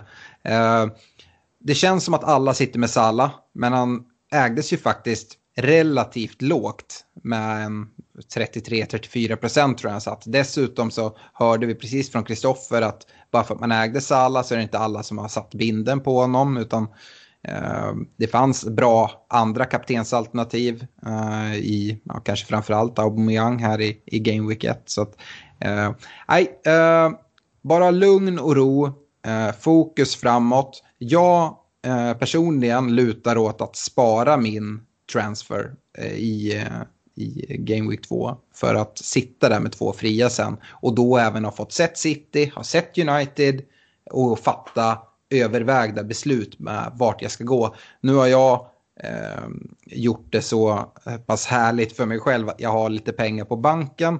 Så att jag har, behöver inte känna den eh, som tokpress att agera snabbt på grund av prisförändringar. För vi kommer se, vi har redan börjat se lite förändringar, men innan eh, Game Week 2 deadlines kommer vi ha sett väldigt många fler eh, prisökningar och prissänkningar än vi redan har sett. Men eh, jag avvaktar och hoppas att det ska vara rätt väg till framgång och hoppas att jag sakteliga ska börja äta mig i kapp i, i diverse kompisligor och i en overall rank som eh, jag alltid siktar på att eh, komma så högt jag bara kan. Yes, eh, poddlaget då, där kommer vi till det, samma som, som jag hade. Poddlaget drog ihop sina 30, 38 poäng. Eh, Auba kapten, Eh, kaptenad, eh, 14 eh, poäng fick ju han med då efter sina dubbla sju. Känns ändå rätt, det är rätt spelare vi, vi kappar i vårt lag, det är bara att vi inte har Sala i bygget. Vi får väl se vad vi gör inför Game Week 2 om vi ska göra något byte eller om vi håller, håller i där, Stefan. Vi har ju inte riktigt snackat ihop oss helt här, men oavsett tror jag att vi kommer avvakta eh, närmare deadline och höra presskonferenser och eh, eh, även se de här ligacupmatcherna och hur Spurs eh, ställer upp i eh, Europa League-kvalet, eller hur? Ja, det är väl mycket så. Vi har ju två från Spurs eh, och eh, det är väl framförallt, eh, vi har väl mest riktat blickarna mot Everton kanske, eh, där det finns lite intressanta, intressanta alternativ. Eh, United, jag vet inte, det känns som att eh, det är lite för osäkert och eh, sen liksom efter den här Palace-matchen så tycker väl inte jag att liksom när jag kollar på spelschemat så känner inte jag med United att jag måste bara in där utan eh, eh, det finns så mycket annat som är intressant. Jag tyckte liksom med Chelsea såg ju, Werner såg ju hyperintressant ut och kan Pulisic komma tillbaka där så vet man inte hur bra det kommer bli. Eh, och så vet vi med, med, liksom med Salah i den här formen och med, med City som, som också kommer vara bra. Så nej, jag tycker det finns mycket annat att kika mot eh, utöver United. Ja, nej, men det gör det. Och med det sagt så säger jag inte att det är, det är fel att gå all in på United. Jag kan ju direkt erkänna att man blev, när jag var som mest nere så tänkte jag att ah, jag ska dra ett wildcard i alla fall. Ska jag göra bara en tokchansning inför Game Week 2, fylla laget med United och City-spelare. Och det kan ju vara något som verkligen slår och gör en rejäl upphämtning. Men det kan även vara det som gör att jag blir av med mitt wildcard, United och City, eh, blankar eller tar inte så mycket poäng. Eh, och sen så står jag där och då är jag totalt uppgiven. Eh, jag är glad att jag inte gjorde det, men jag fingrar lite på att se vad man kunde få ihop för lag. Och jag tror att vi kommer se United-spelare som kan ta väldigt mycket poäng mot Crystal Palace. Det är inte så att Palace håller nollan här i första matchen mot Southampton. De är superstabila och kommer stänga ner varje lag här framöver. Det är inte min förväntan. Och United Paul Trafford, Martials form Paul Trafford från slutet av förra säsongen. Ja, men det, det kan ju vara ett hattrick där. Eh, jag skulle inte bli allt för förvånad om det trillar in, trillar in poäng från, från hans fötter eller eh, ja, även någon annan spelare. Men eh, nej, eh, jag tycker ändå att eh, jag, det beror på vad man är för typ av manager. Mm. Jag är väl den här fega managern som gärna vill, vill se lite innan jag agerar. Och i det här läget, det finns mycket uppsidor med att chansa och ta in United-spelare och eh, få en fin, eh, fin poäng och det kommer vara värdeökningar på United-spelare. Men samtidigt, det är, det är en 50-50 situation känner jag. Och om det är en 50-50 situation där jag dessutom då får fördelen att ha två fria transfer nästa vecka, ah, då väljer jag det alternativet som är lite mer safe. Lite tråkigare. Jag gjorde en intressant notering här att den, den managern med högst poäng utan att ha använt ett chip eh, ligger på 123 poäng. Ja. Det är en fantastisk omgång. Ja, det är det, är det verkligen. Uh, men uh, som sagt, ja, det, det är stolpe in. Får vi se om, om uh, det fortsätter så resten av säsongen. Det tror inte jag. Jag tror att den gubben kommer ha någon, någon game week där han också sitter där med 35, 40 poäng och, och 40 gråter. poäng med en triple captainship draget. ja, ja men det, det är ett långt race och som sagt man, man förlorar inte fantasy i Game Week 1. Man vinner inte fantasy i Game Week 1. Dessutom som sagt, är man med i vår betalliga eh, så har man, har man chans, även om man skulle fortsätta ha sådana här dåliga Game Weeks hela vägen fram till jul, då har man förlorat fantasy. Men man kan fortfarande vinna väldigt fina priser, så jag fortsätter slå ett slag för det. Eh, man kan nu... ju vinna en resa med er också, det ska vi inte glömma. Nej, precis. Det är ju eh, första priset i den Glenligan. Eh, men nu går vi vidare med kaptensdiskussionen och som vi såg nu i Game Week 1, att sätta rätt kapten kan vara rätt avgörande. Eh, jag kollade lite på det här, eh, om man kollar över säsong så brukar ens kapten dra in mellan 20 och 25 procent av eh, poängen i sitt bygge om man lyckas sätta den, den hyfsat rätt. Eh, och ja, det är väldigt stor del av dina poäng när säsongen är slut. Eh, nu till Game Week 2, vi börjar och säga deadline. Deadline är ju som som sagt nu den här säsongen 90 minuter innan avspark. Det betyder att deadline för Game Week 2 är på lördag klockan 12.00. Då sparkar Everton och West Brom igång 13.30. Eh, äh, men Stefan, Aubameyang, det är väl det självklara eller? Hemma mot det här äh, bedrövliga West Ham. Eh, ja, det skulle jag säga. Eh, det är den jag kommer gå på. Sen kommer inte jag ha några United-spelare. Eh, och det är väl där den avvägningen eh, man, man kan göra. Eh, och då tycker jag väl att liksom, osett så litar jag väl ändå mest på Fernandes och Martial. Eh, Rashford har ju, det var ju någonting, han lämnade landslagssamlingen, hade någon, eh, någon form av eh, skadekänning men sen spelade han den här eh, träningsmatchen mot Aston Villa i lördags. Så han ska väl vara hel men som sagt jag är lite osäker på, på form där. Mm. Jag är nog snarare så här där, där mitt val skulle stå om jag hade haft alla kaptensalternativen i mitt bygge. Då skulle det nog stå mellan Aubameyang eller Sala. Eh, jag vet, ja, Sala borta mot Chelsea. Sala brukar vara bättre hemma. Eh, och Samtidigt, han visar ju den här jättefina formen. Jag är nog närmare att sätta binne på Sala än ett osett United-alternativ. Och eh, jag skulle inte säga att det är fel att sätta den eh, på Salah. Det kan mycket väl vara så att när vi summerar allting att eh, Salah kommer vara den mest kaptenade spelaren före en spelare som Aubameyang sett till att uh, vad han levererar i Game Week 1. Uh, tror du att det är helt omöjligt? Uh, nej, det, det, är väl inte helt omöjligt. Men uh, som sagt, då ser jag bara en möjlighet att kaptena Aubameyang ännu mer. Li lite likt så har jag tänkt i Game Week 1 när jag såg att liksom Salas eh, kapten. Det finns en omröstning på Fantasy Football Scout-sidan och där var liksom Aubameyang skyhög favorit och tyckte jag att det var intressant att, att, att gå med på, ännu mer intressant att gå på Sala. Och det var, mm. nog, det var nog det som fick mig, för att jag var väldigt kluven att gå med Salah överhuvudtaget i laget. Men det var nog just den grejen, kaptensbilden som gjorde, som liksom vägde över att jag gick på det laget med, med, som, med Salah i. Mm.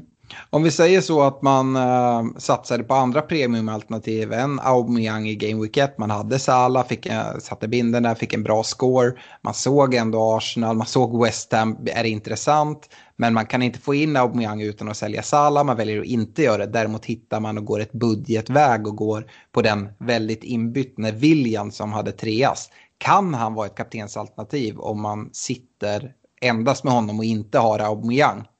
Nej, inte för mig. Eh, in, nej, det, det, skulle jag inte göra. Eh. Nej, det skulle inte jag heller, men jag vill ändå bolla upp den. Eh, tar, ju, tar ju alla fasta och uh, såg, såg intressant ut. Fick han väl maximal utdelning mer eller mindre med de här tre assen senast. Men, ja. Nej, det är mer bara att man, ja nu kanske, alltså, men det, det finns ju alltid en risk att man blir straffad när man går för, för kaptener som ingen annan går för. Eh, så det är väl lite så jag känner. Uh, där. Ja, United pratar vi lite kort om. Uh, City då går in, vi har sagt det, det är helt blint, vi har inte järnkoll på City. Vi vet dock att vad, vad City kan göra. Men det är en tuff bortamatch mot Wolves. Ah, det är ganska, ganska vågat, man ska nästan vara City-supporter om man ska slänga in en bindel där va? Ja, inget, inget för mig. Inget för mig. Nej. Uh, ja, jag vi kan ju liksom skrapa långt ner. Kollar man, man på... Ska man ja. hitta en differential som jag har noterat så är det ju Calvert Lewin eftersom eh, West Bromwich såg så svaga ut och Everton såg väldigt fina ut. Mm. Ja, det finns ju några alternativ att gå på något Everton-alternativ. Vi såg att om man ska börja pinpointa de här svaga lagen så ska ju Fulham möta Leeds som såg bra ut men kasta in en kaptensbindel på Leeds när Auba mötte West Ham och sånt. Alltså det, det, det ska mycket, det, det, gäller att man har bollar eh, för, för att göra det. Vi har, eh, ja men Vardy gjorde fina poäng men han har ingen underliggande statistik. De ska möta ett Burnley som är ganska tajta bakåt normalt sett. Eh, ja, eh, en spelare som jag tror väldigt mycket på som eh, förmodligen ganska många byter ut nu. Det är ju, det är ju Werner mot, mot Liverpool hemma på Stamford Bridge. Eh, väldigt snabb spelare, kommer få fina omställningar och Liverpools defensiv imponerade inte mot, mot Leeds. Jag, jag kommer inte sätta någon bindel där, men jag tänker heller inte byta ut Werner. Eh, jag tror att vissa kommer kanske till och med chansa att slänga in en bindel där dessutom. Men eh, nej, som sagt, jag är tråkig. Jag, jag, det finns ingenting förutom att jag får besked om att Auba inte kommer spela av någon anledning. Att binden hamnar någon annanstans. Och för mig tycker jag man nästan kan stänga en kaptensdiskussion där. Uh, jag tänker inte säga att det är fel att sätta den någon annanstans. Men Auba, det är uh, mitt alternativ. Och tvåa för det skulle, skulle ändå vara att gå på Sala eller någon chansning på United-spelare. Uh, är det någon som vill skjuta in något ytterligare innan vi hoppar in i lyssnarfrågorna? Nej, jag ser inga andra alternativ. Jag har inte Calvert Lewin som jag tycker var intressant. Tyvärr, och får inte in honom heller. Stefan? Nej, eh, nej. Nej.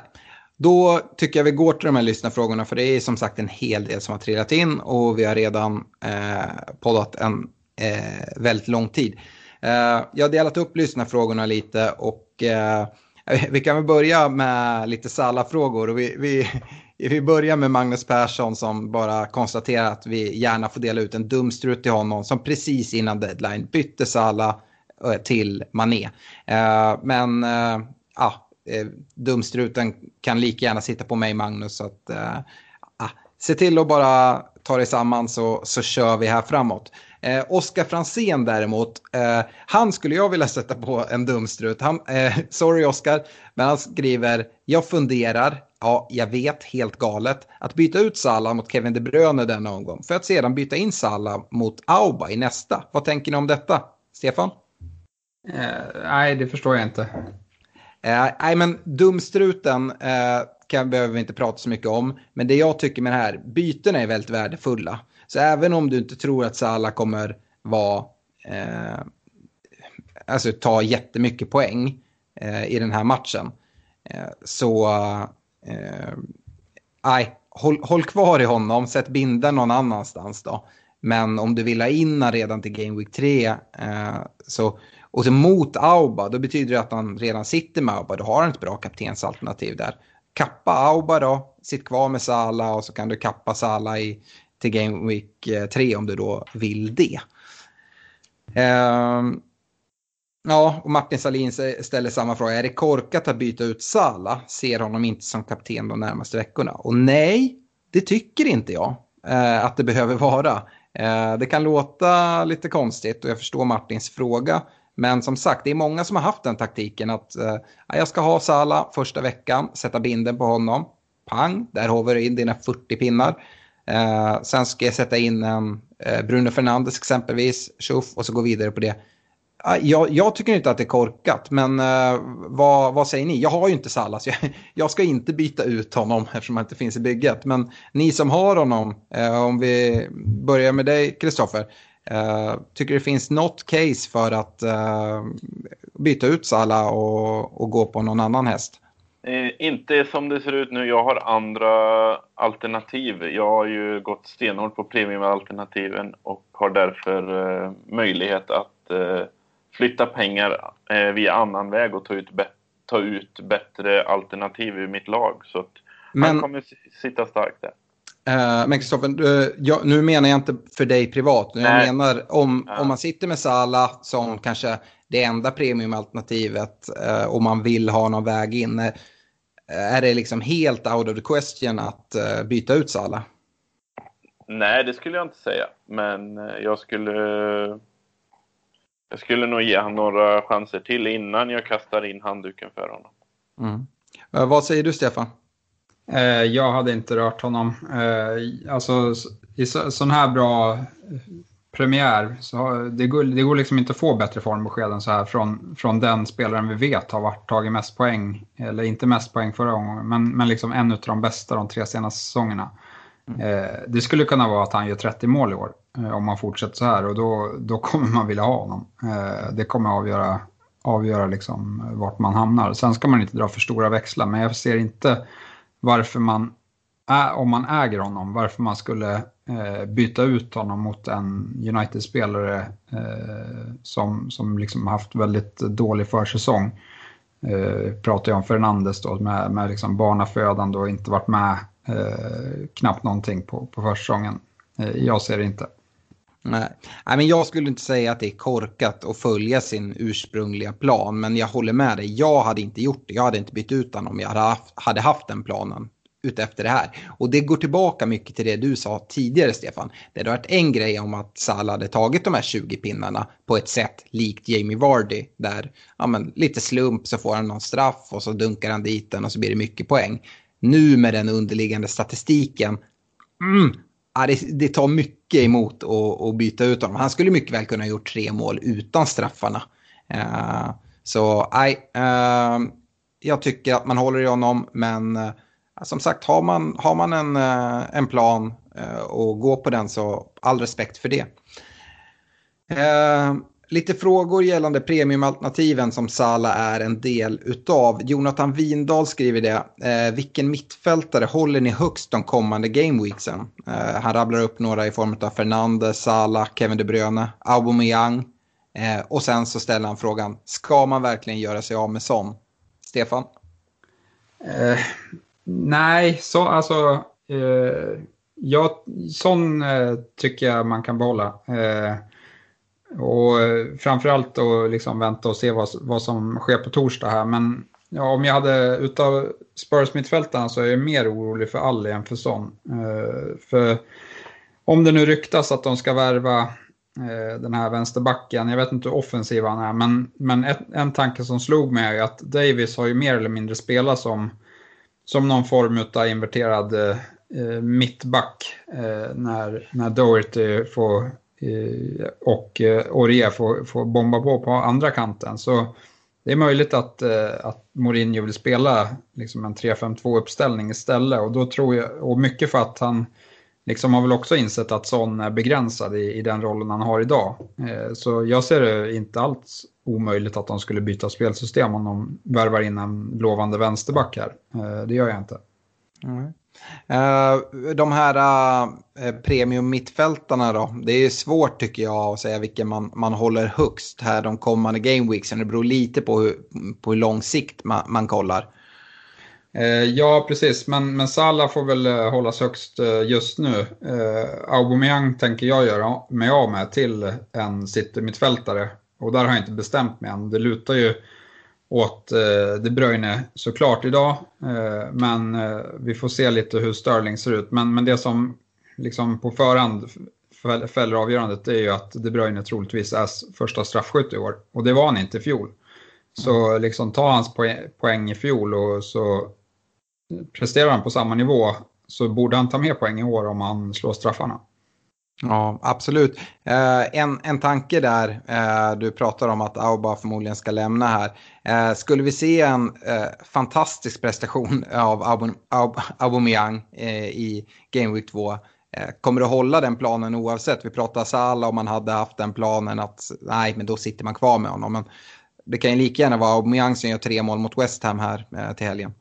Ja, absolut. Men eh, sen väntar Liverpool och City borta eh, de mm. två utav de tre kommande och då kommer inte jag ha Aubameyang. Eh, mm. inte, inte när City har så bra matcher. Så, så där, där ser jag mycket mer att man byter. Det är mer det här att jag köper också att man kan ha som strategi att gå från Salah till, till Fernandes. Men, men som sagt, eh, det kan slå fel tror jag. För att det är inte så att Chelsea såg fantastiska ut mot, eh, mot Brighton. Det, och de har fortfarande Kepa i mål som dessutom gör en supertabbe i min mening när han släpper in ett skott från, från 25 meter i, mot, eh, från Trossard. Så, eh, nej, eh, jag vet inte. Det, det känns inget bra i, innan Chelsea värvar en målvakt. Och även om de värvar en målvakt så är det liksom det är ytterligare en ny spelare som ska in i det där laget och spelas ihop. Och om det är något lag som kan straffa ett eh, lag som inte sitter ihop riktigt ordentligt så är det ju Liverpool. Så att jag håller ju Liverpool som favorit i den matchen. Sen tror jag att Chelsea eh, kommer ha bra chanser att kontra in mål på, på Liverpool för att Werner såg ju riktigt fin ut i inledningen också här. Mm. Absolut. Eh, Jonathan hade ju frågan också om Son, den svarade du på. Eh, Leo Gustafsson undrar snarare om Kane eh, och hans vara eller icke vara. Han funderar på att ta in Martial istället, vilket då skulle lösa pengar till antingen en, en bättre andra anfallare eller ett bättre mittfält. Och, eh, vad, jag undrar vad vi tror om det. Eh, Kristoffer? Eh, det ser jag ju som ett väldigt bra, en väldigt bra tanke han har där. För eh, Kane visade ju inte upp mycket i matchen som var. Och Martial ser ju väldigt spännande ut. Eh, så det skulle jag absolut göra och ge plats åt andra bättre alternativ om man har lite, ser lite tunt ut på mittfältssidan exempelvis. Eller som eh, om man har en sämre andra forward. Mm. Ja, jag, jag säger det att det skulle absolut kunna vara ett alternativ. Men jag tycker även att man har väl tagit in Kane utav en anledning. Och jag tror inte att det var egentligen för att eh, Spurs skulle möta Everton i, i första matchen. Utan Spurs schema ser bra ut. Eh, hade jag gått på honom i Game Week 1 hade jag haft fortsatt förtroende. Eh, den här kortsiktigheten med att en, en spelare blankar i en Game Week. Ah, jag, ah, jag vet inte om jag, vad jag tycker om det. Jag tycker att jag hade hellre hållit på bytet eh, en Game Week. Men eh, ja, det, det är ju som sagt återigen går det tillbaka till vilken typ av manager man är. Helt klart. Eh, kollar vi United City så är det ju en hel del frågor kring det här. Eh, Stefan, du svarar väl egentligen på det förut, men Pontus Nilsson ställer frågan. Sterling, De Bruyne eller Fernandes? Du får bara välja en. Ja, De Bruyne. Ja. Uh, har du någon annan åsikt där, Kristoffer? Nej, jag eh, håller De Bruyne högst av, av dem. Mm. Så jag, jag är helt inne på Stefans linje. Jag skulle säga det, alla tre är fina alternativ. Eh, det, det tycker jag. Men uh, ja, man har en begränsad budget. Sen så kommer vi till den här frågan då. Mason Greenwood. Andreas Norberg skriver in. är Greenwood förlåten för sina pojksträck och startklar? Jag måste bort med Havertz. Dels så vill jag säga det, Havertz enligt mig måste inte alls bort. Jag är jättespänd på Havertz och vill se honom centralt i, i, i det här Chelsea. Uh, Greenwood, ja alltså om man valde att bänka honom första gameweeken och har honom med, men då skulle jag inte byta ut honom. Däremot skulle jag heller inte byta in honom uh, på grund av att jag tror att det kommer hända någonting i transferfönstret och att hans plats då är lite, Eh, lite tveksam. Eh, sen så, eh, det har ju knappast förbättrat saken för honom, det han ställer till med eh, på Island med landslagssamlingen. Eh, jag tror däremot inte att man ska dra för stora växlar för det. Eh, min gissning är att han startar eh, mot Pallas. Men eh, det är för mycket osäkerheter. Eh, Stefan, vad, vad säger du? Greenwood, eh, håller du med mig att om man har haft på bänken, ja, men då sitter man kvar med honom. Men man kanske inte kollar mot att byta in honom. Nej, precis. Jag håller med helt med den eh, analysen. Eh, och jag, eh, liksom, nu, nu kan man inte veta med säkerhet, men jag har också den känslan av att United är ute efter någon ytter och då vet vi inte alls hur status är längre där på den platsen just. Så att det håller mig borta. Sen om det visar sig att han är lika ordinarie som han var i slutet av förra, föregående säsong, ja men fine, då får man byta in honom eh, om några omgångar istället. Mm. Eh, det är många som pratar om Havertz där. Erik eh, Hemlin skriver också tankar kring Havertz. Sitter man kvar eller byter man till något United-alternativ? Eh, Stefan, jag vet, du har också eh, fingrat lite på Havertz och, och kollat på honom. Hur, hur känner du? Nej, men jag tyckte det var ganska uppenbart att han skulle inte spela på den positionen han blev tvungen att spela på i den här matchen. Eh, utan eh, hans, eh, jag tror inte man fick se hans riktiga potential här. Eh, det var några, fanns några anfall där han liksom hittade bra positioner ändå. Eh, men utan att liksom blomma ut. Eh, han kanske behöver några matcher, men som sagt, det skulle lika gärna kunna vara att spela han centralt eh, mot Liverpool eller mot West Bromwich, då kan han se ut som en helt annan spelare, tror jag. Och det fanns framförallt något läge där, där Werner tog någon så här superlöpning och Loftus-Cheek inte lyckades lägga en enkel djupledsboll till honom. Och där liksom såg man bara att hade Havertz varit i mitten så hade det där varit ett friläge och mål. Mm. Så att, nej, jag skriver inte heller av Havertz. Sen, visst, nu har jag inte bråttom att, att byta in honom eftersom de ska möta Liverpool nästa och den här osäkerheten finns. Men sen, liksom West Brom, Crystal Palace, Southampton. Eh, ja, får vi en, en enda indikation på att han spelar centralt, då är han en av de som står högst på min önskelista. Mm. Jag, jag gillar Havertz. Uh, tänker också, jag försökte göra lite scouting, kolla lite på, på han från Leverkusen. Det är inte så att jag följer Bundesliga på något sätt.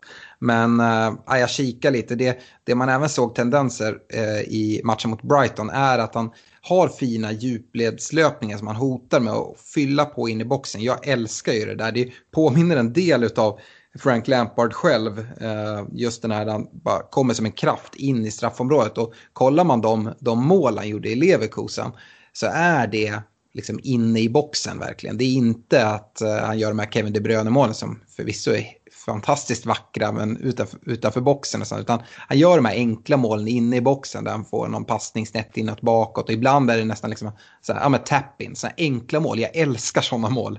Eh, och jag tror att Havertz kommer göra en hel del sådana under säsongen. Sen får vi se. Det, han är ny i ligan, ung kille, men eh, jag jag, jag kollar inte alls mot att, att byta ut Havertz som det är nu. Eh, en annan spelare som Robin, Robin Aronsson kollar på att byta ut eventuellt i Chelsea är Werner och undrar om eh, han ska få ge plats till fördel för Martial med tanke på Uniteds fina spelschema. Eh, vi har väl pratat lite grann om det här och man hör lite vart det lutar nu i diskussionerna men Kristoffer, hur ser du på ett sånt byte? Eh, det behöver inte vara fel. Man får ju 0,5 eh, extra att röra sig med. Tror jag, eller har jag sett helt galet? Nej, nej det stämmer. Nej, det stämmer. Och sen eh, så finns det ju en svår match för eh, Werner mot Chelsea, men han kan också straffa en om man gör det bytet. Ja, Werners ja. match mot Liverpool menar du? Ja, Werners match mot Liverpool, ja. Och det mm. kan ju i efterföljande matcher kan ju straffa sig om man byter ut honom då och eh, så får man indikationer på att eh, Martial inte är i samma slag som han var förra året. Mm. Så jag, jag, jag håller med dig och var lite försiktig med United. Ja, jag, eh, jag, tycker att om det är en spelare i United som, eh, som jag verkligen, verkligen tror på så är det Martial. Men jag skulle inte eh, ta in honom till förmån för, för Werner. Alltså den, den, eh, det bytet. Eh, jag vill ha Werner. Eh, jag tycker han såg ut, intressant ut i första matchen. Jag förväntar mig att han kommer se ännu mer intressant ut ju mer speltid han kommer få i nya laget. Dessutom tror jag att Chelsea kommer se bättre och bättre ut. Eh, in med Pulisic, in med Ziyech, förhoppningsvis in med Havertz centralt. Chelseas spelschema som sagt, det är inte så att de har lite tuffa matcher nu. De har en match mot Liverpool hemma på Stamford Bridge. Visst, det är ingen kanonmatch. Det är heller inte en match där Werner absolut inte kan göra mål. Eh, Liverpools försvar ser sådär ut, men därefter är ju Chelseas spelschema jättefint. Så det blir ett väldigt kortsiktigt byte kan det vara att ta ut Werner och sen helt plötsligt börjar han stänka in, in mål och så vill man dit igen. Ja, som sagt, bytena är värdefulla. Eh, Everton, det har vi varit inne på, ser ju eh, fina ut. Eh, Challe Bengtsson Jarup undrar vilka som blir best of the rest. Alltså, eh, det finns ju en förväntad topp sexa men eh, han nämner Everton, Wolves, Leicester. Eh, vad, eh, vad känner ni där? Om vi börjar med dig Kristoffer. Eh, är det Everton som ska ta den platsen eller? De ser ju intressanta ut helt klart och Ancelotti har ju fått bygga lite över tid nu så jag tror, tror eh, väldigt mycket på dem. Och eh, jag kikar mycket på deras spelare också framöver. Så jag tror att, eh, jag tror på Everton. Där lägger jag mina pengar. Stefan har någon annan synpunkt. Vi vet Wolves är också ett lag. Nu har de inga Europaspel att tänka på. Stabila bakåt pratar jag om i min, min laggenomgång. Jiménez gör sina poäng. Ja, nej, jag håller nog Wolves eh, som, eh, som favoritutmanare. Eh, jag tror att liksom förra säsongen så var det mycket på grund av Europaspelet som, som gjorde att de kanske inte riktigt orkade med det. Men nu har de inget sånt. Och, de har, de, man kanske är lite för, liksom har lite för låga förväntningar på dem på grund av att de har sålt Doherty som har varit en framstående spelare. Men de har ju värvat in unga spelare både i fjol och i år eh, som är riktiga talanger. Eh, och nu så flankades Jiménez av, av två ynglingar eh, där framme som båda gör det bra. Så att de, de, skulle kunna växa ytterligare under säsong tror jag. Och den här backlinjen ser ju tät ut. Så att eh, jag håller nog Wolves som favorit eh, till ut, utmana topp 6. Så går jag in där mittemellan och säger att ja, Everton Wolves håller jag ungefär likadant samtidigt som Leicester ligger strax bakom de här två. Eh, uh, jag, jag ser, ser både Everton och Wolves som, som bra lag och som dessutom båda faktiskt skulle kunna utmana om något av topp 6-lagen uh, eh, får, får lite problem uh, och kanske tar sig in även där. Om Everton får ihop allt det här. Wolves ska gärna ha ganska tur med skador. Jag tycker trots de här påfyllningarna med ynglingarna att de har vissa positioner som det ser lite tunt ut. Å andra sidan är inte transferfönstret stängt. Så ja, vi får se helt enkelt. Eh, Jan Alfbo eh, tycker det vore intressant att höra vår analys av Dohertys roll i Spurs nu när vi som sagt endast har sett en match. Men eh, det skulle han vilja höra och så undrar han vad vi tror om James Rodriguez utveckling och Evertons start. Eh, Stefan? Eh, nej, men eh, man såg ju glimtar av att Doherty eh, har en väldigt fri roll. Fick fylla på i boxen. Kom till, till något läge som var riktigt bra här i, i den här matchen. Då kan man väl ändå anta att han inte riktigt är i toppform än. Så att jag tycker att där, där, det är den spörspelaren som, som jag tycker ändå kommer undan från första matchen med, med ett godkänt betyg. och sen var det inte så att att Tottenham eh, läckte supermånga eh, chanser bakåt. Det var Richarlison som fick ta några avslut liksom i, från, från ungefär i början av straffområdet. Så. Men, men i övrigt så var det inte, det var inga jätteklara lägen de släppte till mot Everton. Så att, eh, jag tror att eh, jag skulle inte skriva av deras försvarsspel heller. Nej. Uh, Anton Götesson uh, tycker, precis som vi vet, Everton såg intressanta ut mot Spurs och undrar om det är värt att göra en, en uppdubbling här. Uh, han har sitter med uh, Calvert Lewin, uh, men kolla mot spelare som uh, Rodriguez, uh, James då, eller uh, Din. kan det vara något? Ja, det tror jag. Alltså, som sagt, Allan tror jag kommer göra att Everton håller fler nollor än, nu, nu får vi ju se liksom, men eh, de har inte haft någon spelare som har tagit bort bollar framför backlinjen tidigare på det sättet. Eh, och det har varit eh, liksom för lätt att hitta igenom eh, Everton centralt. Det kommer inte vara lika lätt nu. Eh, så att, eh, och de har stora, starka, nickstarka spelare på mittbackarna. Så att inlägg kommer ju vara troligtvis svårt att, att få till mot Everton också. Så att, eh, jag tror att Digné absolut kan vara en, en kandidat där och jag tror att James också kan vara bra men där vet man ju inte. Han måste göra lite mål också. Det är samma sak som vi såg med Madison i fjol i början. Han skapade chans på chans på chans eh, men fick liksom ingen utdelning och om man inte har ett målhot då blir det, då blir det inte tillräckligt bra med poäng. Nej, nej jag håller med där.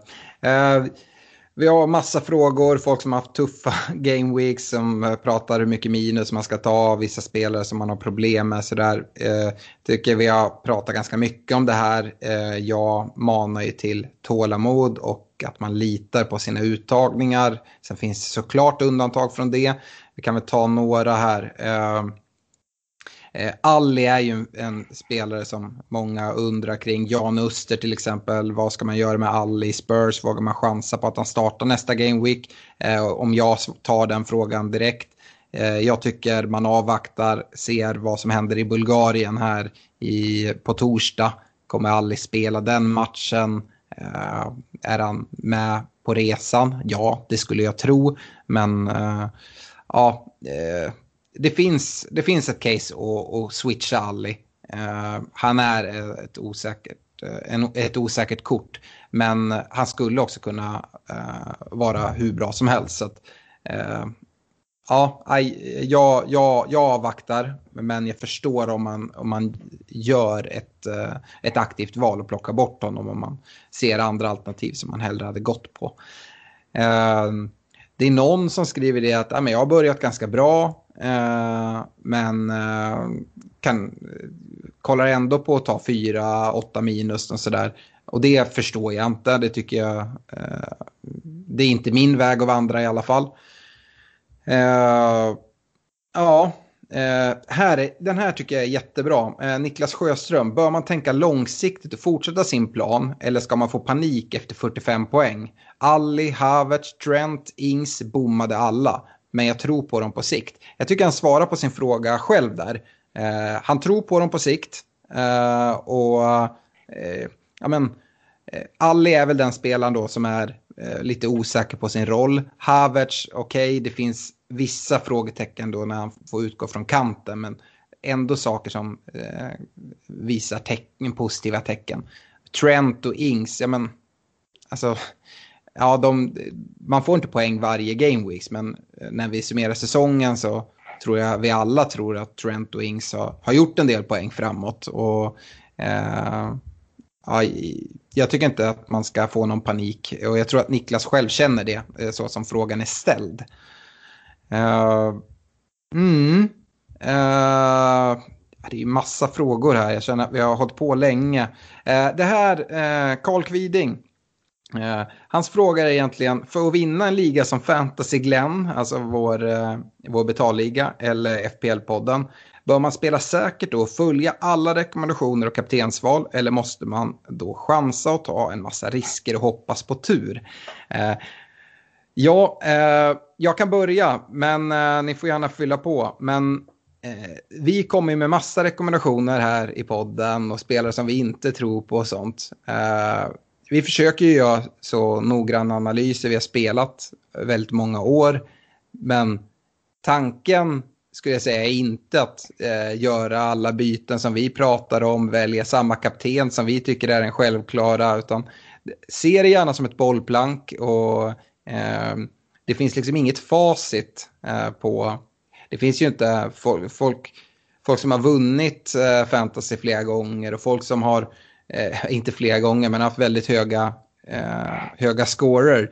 Det är inte så att de aldrig gör några misstag eller väljer fel kapten eller så. Så att eh, eh man ska gå på sin egen magkänsla, det brukar jag alltid prata om. Eh, men eh, tanken med, med, med vår podd och andra poddar och läsa på och kolla statistik och sånt, det är att underlätta och få lite underbyggda eh, teorier kring de eh, egna tankar man har och de val man gör. Ehm, och, ja, det, är väl, det är väl min tanke. Stefan, vad, vad, vad har du att säga? Ja, men lite kul för att han som vann eh, fantasy i fjol, eh, han var en matematiker från, från Oxford. Och han, han typ, ja, jobbar med cancerforskning och, och liksom gör modeller för det. och har lagt upp en, en Eh, vad heter det, eh, video på YouTube, eh, typ en, en timme som där han försöker komma fram till vad som är bra och dåliga saker att göra i fantasy som han har modellerat fram. Och då, bara en, en anekdot därifrån var liksom att det, man ska minimera sina misstag. Eh, man ska fokusera på att eh, liksom byta ut spelare som inte levererar i en slag. Eh, typ som jag som har vinagre, det är det jag ska fokusera på. Jag ska inte kolla på eh, Eh, vem är den liksom, spelaren som, som eh, jag tror kommer ta mest poäng i nästa omgång som eh, och liksom kolla på vem jag ska byta in. Utan det som oftast är mest fördelaktigt är att försöka lösa de problemen man har i laget först. Mm. Ja, det är riktigt bra input eh, tycker jag. För det är ganska ofta man sitter och kollar på. Men det blir lätt att man börjar jaga poäng. Den spelare som tog mest poäng förra veckan, ja, men han måste jag ha i mitt bygge. Och så ökar han i värde och sånt. Men sen så levererar han inte nästa vecka. Och då ser man någon annan som tar mycket poäng och så ska han in i laget. Och det blir att man har spelare som många av de lagen som går bra har men man är på bollen lite senare och tappar lite poäng här, lite poäng där, tar lite minus för att få in någon spelare som man behöver göra två byten för att få in. Eh, så jag, jag tycker att det låter som en väldigt sund idé att kolla vad har jag för problem. Och ser man inte att man har några solklara problem så här i början, ja, men då kanske det är läge att spara sitt byte. De här eh, två fria bytena tycker jag är mycket, mycket värda. Uh, uh, här då, uh, en spelare som sitter i ganska många lag. Eh, Baltzar Högman Branthall undrar om man ska ge upp Mitrovic på grund av att Fulham såg så fullkomligt bedrövliga ut och knappt ens försökte anfalla. I så fall ett byte som skulle innebära minus fyra mot Wilson i Newcastle. Vad, vad säger du, Kristoffer? Jag hade Eh, hållit lite på Mitrovic. Vi vet ju vad han kan göra. Han har erfarenhet av Premier League och eh, han är inte liksom en 20 mål, det har han inte i sig i det laget. Men eh, han kommer göra sina poäng och nu inledde han på bänken. Eh, det kommer komma bättre matcher där Mitrovic kommer, eh, kommer leverera. Jag tror eh, Eh, att man ska vara lite försiktig med att byta ut honom. Jag ser ingen starkare kandidat i den prisklassen än så länge. Det kan ju dyka upp. Mm. Nej, jag, jag, jag, tycker inte att det är liksom panik att skicka ut Mitrovic. Och att han börjar på bänken, som sagt, det tror jag inte kommer vara något vi kommer se speciellt ofta i det här Fulham. Utan han är en viktig spelare. Anledningen till att han inte startade var en känning från, från landslagssamlingen. Eh, har du någon annan uppfattning där Stefan eller ska vi eh, tacka för oss? Jag vet, vi har hållit på länge nu, jag vet att alla lyssnare inte får svar på sina frågor men eh, vi kan heller inte eh, låta podden bli flera timmar lång. Nej, jag tror att vi får runda av det va? Yes, eh, då skulle jag vilja tacka till alla som har lyssnat. Kristoffer, eh, välkommen till Svenska FPL-podden och eh, vi ser Tack fram emot... Tack för Ja, vi ser fram emot att göra fler poddavsnitt tillsammans. Vi är återigen nästa vecka. Då ska vi summera Game Week 2. Vi har lite mer på fötterna och blicka framåt mot Game Week 3. Jag önskar alla ett stort lycka till och sen så skulle jag även vilja säga det för de som inte har järnkoll på hur det ser ut. Men nu är det ju fyra game weeks och sen så kommer ett landslagsuppehåll. Så att eh, se gärna de här eh, fyra första game weeks som eh, ett sjok utav matcher. Sen så har vi dessutom ett transferfönster som stänger där och då är det lite lättare att ta beslut. Kan man sitta kvar med wildcard tills dess tror jag att det kan vara bra. Det kan hända saker som ställer till det ganska mycket i en slag. Både med en landslagssamling, det kommer tillbaka spelare med, med skador, det kommer göras värvningar och så. Eh, det är min eh, rekommendation. Eh, tack för att ni har lyssnat och på återhörande.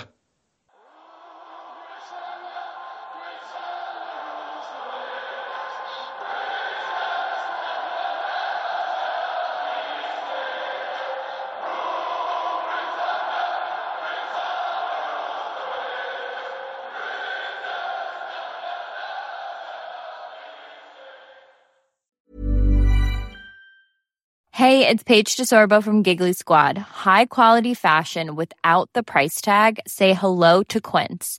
I'm snagging high-end essentials like cozy cashmere sweaters, sleek leather jackets, fine jewelry, and so much more. With Quince being 50 to 80% less than similar brands. And they partner with factories that prioritize safe, ethical, and responsible manufacturing. I love that. Luxury quality within reach. Go to quince.com slash style to get free shipping and 365 day returns on your next order. Quince.com slash style.